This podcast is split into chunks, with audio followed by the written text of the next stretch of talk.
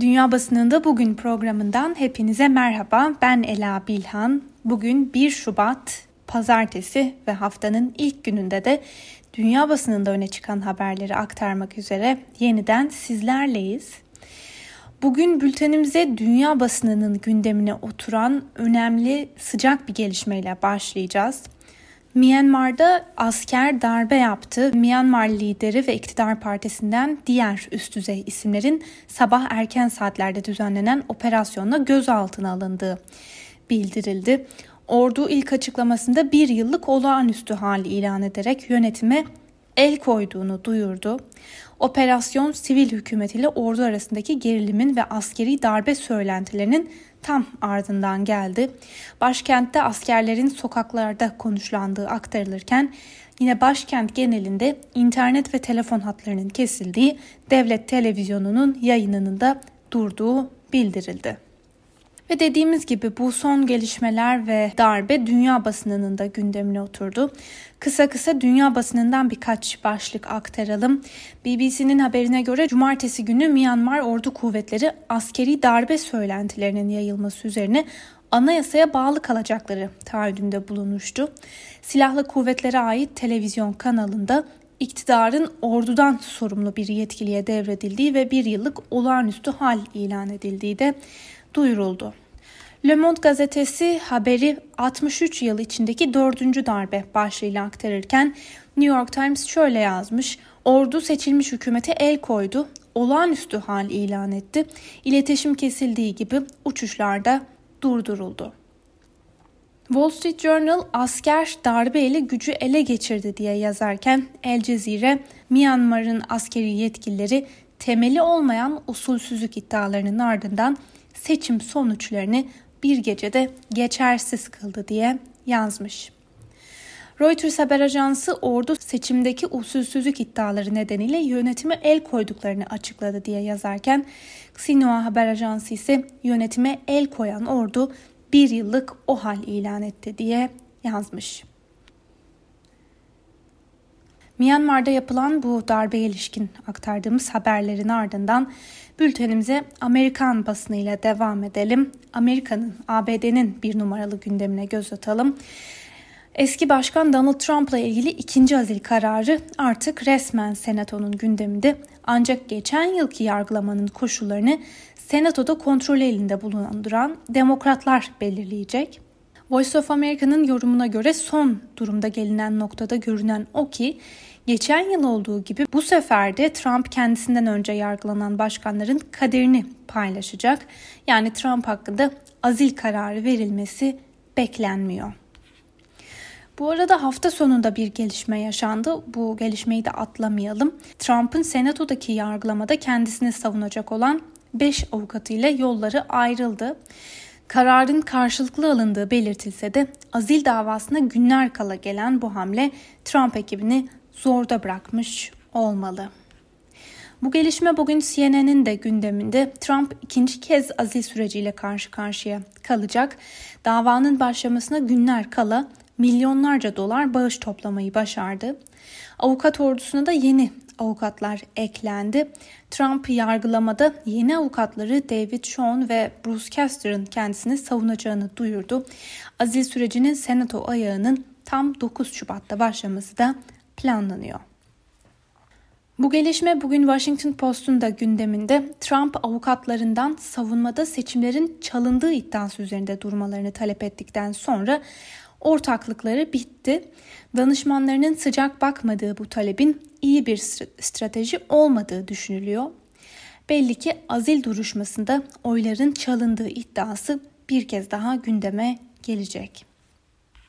Gazetenin yorum köşesine de göz atalım. 2024'teki seçimlerden önce son seçimlerde gördüğümüz seçim yasasındaki belirsizlikleri ve aksaklıkları düzeltmeliyiz. Demokratlar önemli bir yol ayrımında ya haydutları koruyacaklar ya da demokrasiyi diye yazmış Washington Post. Gazeteden Jackson Deal Trump ABD demokrasisini darmadağın etti. Biden onu yeniden inşa etmek zorunda yorumunu yaparken yine gazeteden Sharon Risher ise silahlar beyaz üstünlüğünün en ölümcül silahı, nefreti etkisiz hale getirmeliyiz diye yazmış. New York Times gazetesine de göz atalım. Gazete bugün Amerikan seçimleri ile yemin töreni arasındaki 77 günü incelemiş. Yani 3 Kasım'la 20 Ocak arasındaki süreçten bahsediliyor. Bu süreçte Trump'ın başlattığı yalan dalgasının giderek büyüdüğü ve Cumhuriyetçi Parti'yi bile ezip geçtiği belirtilmiş. Bu yalan öyle büyüdü ki Amerikan demokrasisinin temelini oluşturan görevi barışçıl bir şekilde devretme geleneği alt üst oldu. Gazetenin gündemdeki bir diğer habere göre de Biden küresel bir demokrasi zirvesi düzenleyecek. Ancak bunu eleştirenler ABD'nin diğer ülkelere demokrasi dersi verecek konumda olmadığı görüşünü savunuyor. Bu arada son olarak 19 seçilmiş yetkili hakkında 6 Ocak'ta Trump'ın mitingine katıldıkları ve kongre binasına yönelik saldırıya dahil oldukları gerekçesiyle inceleme başlatıldı. Bir diğer haberle devam edelim. Demokratların kontrolündeki senatonun önümüzdeki hafta içinde Biden'ın korona mücadele çerçevesinde önerdiği tam 1.9 trilyon dolarlık ekonomik paketi ele alması bekleniyor. Bazı cumhuriyetçi isimler Biden'ın ekonomik paketinin çok fazla olduğunu belirtirken bazıları da daha fazla hedefe yönelik bir paketin çıkartılmasından yana. Ilımlı olarak nitelenen 10 cumhuriyetçi senatör Joe Biden'a çağrıda bulunarak 1.9 trilyon dolarlık ekonomik paketi yeniden değerlendirmesini istedi. Senatörler bir anlaşmaya varmak için görüşme yapmak istediklerini de söylediler ve muhtemel anlaşmanın partiler üstü destek alabileceğini eklediler. Gelelim İngiltere'de yayınlanan gazetelere. İkinci Dünya Savaşı gazisi Tom Moore geçtiğimiz Mayıs ayında Covid-19 salgınında İngiltere sağlık hizmetlerine 32 milyon sterlinlik bir bağış toplamayı başarmıştı. Ve son olarak Covid-19'a yakalandığı ve tedavi için hastaneye kaldırıldığı belirtilen Moore'un fotoğrafı bugün İngiliz gazetelerinin de ilk sayfasında yer alıyor. Times gazetesiyle başlayalım. Gazeteye göre İngiltere'de tüm yaşlı nüfusa Covid-19 aşısı yaptırma imkanı sunuldu. Boris Johnson süreci önemli bir eşik olarak değerlendirirken bugün itibariyle ülkedeki 10 bin bakım evine aşıların ulaştırılması planlanıyor. The Daily Telegraph'ın manşetinde aynı haber var. Huzur evlerinde aşılama tamamlanmak üzere. Johnson huzur evlerinde durumu kontrol altına aldıklarını ve bu noktadan itibaren aşılama sürecini hızlandıracaklarının sözünü verdi. Ay gazetesinin manşetten verdiği habere göre ulusal sağlık hizmetleri dün 600 binden fazla kişiyi aşılayarak yeni bir rekor kırdı. Nüfusun neredeyse %1'i tek bir gün içinde aşılandı. Sağlık hizmetlerinin hazırladığı rapora göre ülkede devam eden aşılama sürecinin etkileri önümüzdeki hafta kendisini belli etmeye başlayacak. Önlemlerin bir ölçüde hafifletilmesi bekleniyor ancak uzmanlar bu gevşemenin çok yavaş ve kademeli olması gerektiğini savunuyorlar. Financial Times'ın manşetine de göz atalım. Buna göre AstraZeneca, Oxford koronavirüs aşı üreticileriyle Avrupa Birliği arasında beklenenden düşük sayıda aşı arzı konusunda kriz devam ediyor.